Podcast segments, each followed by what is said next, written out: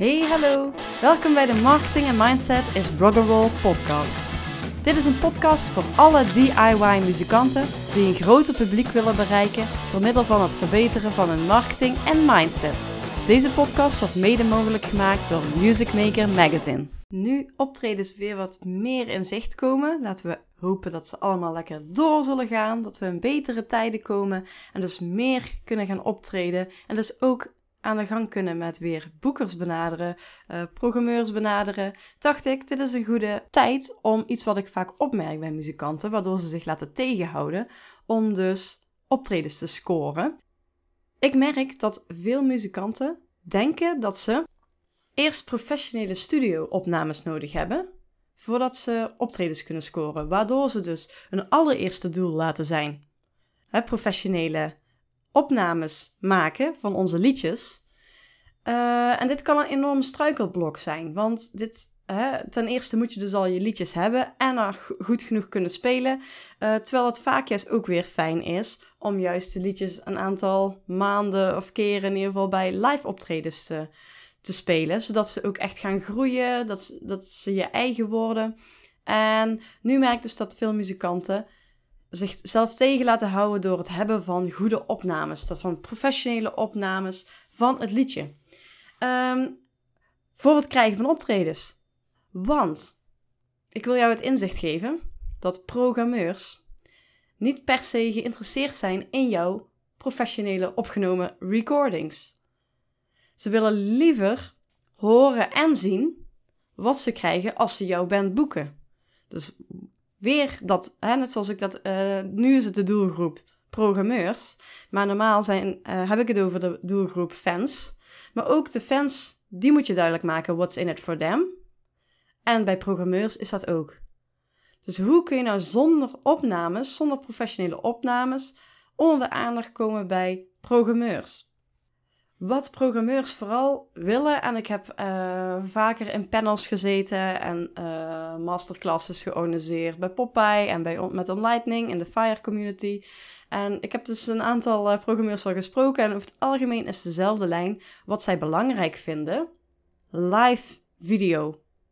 Dus nog niet eens een echt professionele muziekvideo. Nee, ze willen zien wat, je, wat ze krijgen als jij op dat podium staat. Nou, ben je tijdens coronatijd begonnen en heb je nog geen fatsoenlijk optreden kunnen doen of ben je pas net begonnen? Dat is natuurlijk lastig.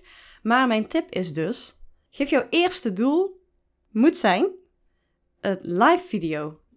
Een mooie live video creëren in plaats van per se al een hele album of EP of single op te nemen in de studio. Dat is natuurlijk super leuk. Maar als je, zeker pas als je net bezig bent, zitten mensen daar niet per se op te wachten. Want je bent nog bezig met je fanbase opbouwen. Uh, en natuurlijk, ik vind het heel belangrijk dat je met online marketing ook je fanbase opbouwt. Maar daarnaast is natuurlijk het geven van optredens ook een mooie promotie. Zeker als je een voorprogramma doet van een andere band of op een festival speelt, dan kunnen mensen jou ook ontdekken. Dus ook optredens vind ik gedeeltelijk onder promotie horen. En laat je zelfs als doel stellen om dus een goede live video te maken. Nou, en nu natuurlijk is dit ook weer een kip en ei verhaal, want eigenlijk wil je dus, je hebt je live video nodig om een live optreden te scoren. En wat, wat komt nou eerst? Nou, natuurlijk, hè, eh, zodra je echt een optreden hebt geboekt, en zeker bij een leuk, uh, op een leuk podium of waar veel mensen bij, bij, komen, ga er dus voor zorgen dat dat goed gefilmd wordt. En dat, je, uh, het dat bijvoorbeeld het geluid wordt opgenomen vanuit de geluidstafel.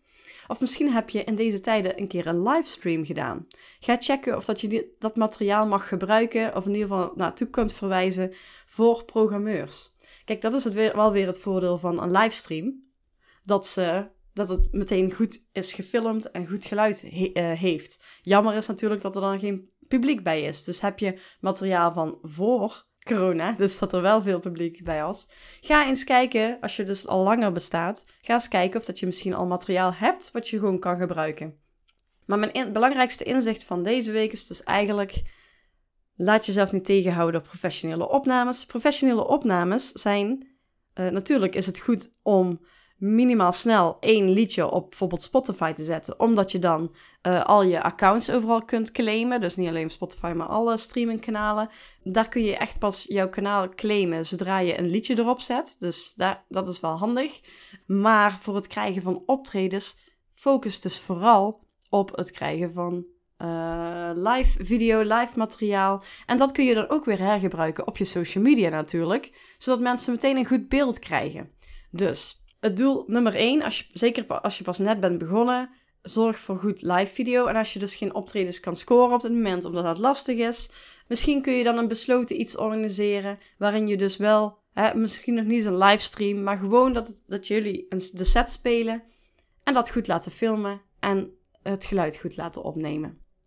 En pak, hè, ze hoeven ook echt geen uh, half uur of een uur te kijken. Maar zorg gewoon dat je één, twee of drie liedjes hebt die de programmeurs dan kunnen zien. Je kunt dit materiaal dus natuurlijk ook, uh, je doet het niet alleen maar voor de programmeurs, maar dit is mijn belangrijkste inzicht deze week, dat je het dus niet laat tegenhouden. Want ik kom er gewoon te vaak tegen dat muzikanten um, ja, eerst gewoon minimaal vijf liedjes in de studio willen opnemen voordat ze programmeurs gaan uh, ja, benaderen. Terwijl je natuurlijk ook gewoon uh, meters wil maken op dat podium. En dus de liedjes vaak ook beter worden naarmate je ze langer hebt live gespeeld, omdat ze er lekker in zitten. Misschien verander je ondertussen nog dingen, uh, omdat het publiek op een bepaalde manier erop reageerde. Zo worden de liedjes beter en kun je daarna de focus erop leggen om ze ook echt professioneel op te nemen. Je kunt dit uh, materiaal dus ook hergebruiken voor op social media. Pak er snippets uit of pak een heel liedje en plaats dat op je, op je Facebook. Pak daar een 1 minuut uit en plaats het op Instagram of plaats het op IGTV helemaal. Zet het op YouTube zodat mensen ook kunnen gaan vinden. Uh, YouTube is echt een supergoeie uh, zoekmachine waar mensen vooral zoeken en het dan vinden. En op social media zoals Facebook en Instagram moeten mensen het voorbij, voorbij zien komen. Nou, en dat materiaal kun je dan ook weer hergebruiken voor in bijvoorbeeld officiële muziekvideo's. Zodra je dat liedje dus wel hebt opgenomen, dan kun je misschien daar een stukje uitpakken, waardoor je eigenlijk al materiaal, een basismateriaal hebt voor ook een muziekvideo bij de officiële opname. Waar je dus ook weer beter je officiële opname die dan op Spotify komt, kunt promoten. Dus er zijn heel veel voordelen om dus gewoon goed videomateriaal te verzorgen. Uh, en dan vooral dus op het gebied van uh, krijgen van optredens live. Wat krijgen ze live? Daar zijn programmeurs geïnteresseerd in. En uh, natuurlijk, ik richt me vooral op online marketing. En ook de, de inzichten die je krijgt door online marketing kun je gebruiken bij het krijgen van optredens.